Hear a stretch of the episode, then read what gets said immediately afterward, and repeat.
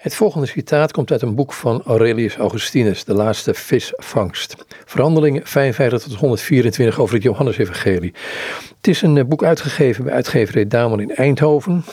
En het uh, werk is ingeleid vertaald van aantekeningen voorzien door Hans Tevel en Hans van Rijzen. Dit gedeelte is naar aanleiding van de voetwassing in Johannes 13. Het moment dat Jezus dus de voeten van zijn leerlingen zou gaan wassen en gewassen heeft. Een klein stukje uit verhandeling 55 van Augustinus. Maar wat is er eigenlijk zo vreemd aan dat Jezus tijdens de maaltijd opstond en zijn bovenkleed aflegde? Hij had zich toch immers ontledigd, hoewel hij de gestalte van God had? En wat is er zo vreemd aan dat hij een linnen doek omsloeg? Hij had immers de gestalte van een slaaf aangenomen en was als mens verschenen. Wat is er zo vreemd aan dat hij water in een waskom goot om er de voeten van de leerlingen mee te wassen? Hij vergoot immers zijn bloed op aarde om er het vuil van de zondaars mee weg te spoelen.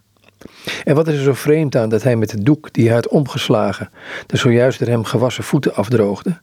Hij had immers met het lichaam waarmee hij bekleed was de voeten van de evangelisten klaargemaakt. Om een linnen doek om te kunnen slaan, heeft hij het bovenkleed dat hij droeg afgelegd. Maar om de gestalte van een slaaf aan te nemen, heeft hij zich ontledigd en daarbij niet afgelegd wat hij droeg, maar aangenomen wat hij nog niet had. Toen hij gekruisigd zou worden, is hij, let goed op, beroofd van zijn kleren. En eenmaal gestorven is hij gewikkeld in linnen doeken. Heel zijn lijden is een reiniging voor ons. De lijdensdood die hij zou ondergaan, heeft het dus vooraf laten gaan door daden van dienstbaarheid. Niet alleen aan degene voor wie hij zou sterven, maar ook aan degene die hem zou uitleveren aan de dood.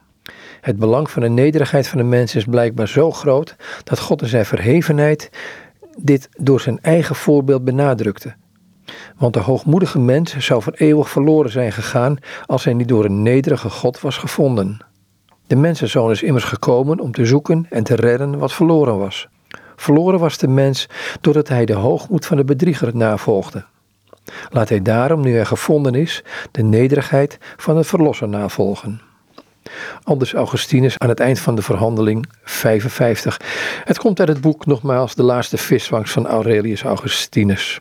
Een uitgave van uitgeverij Damon in Eindhoven.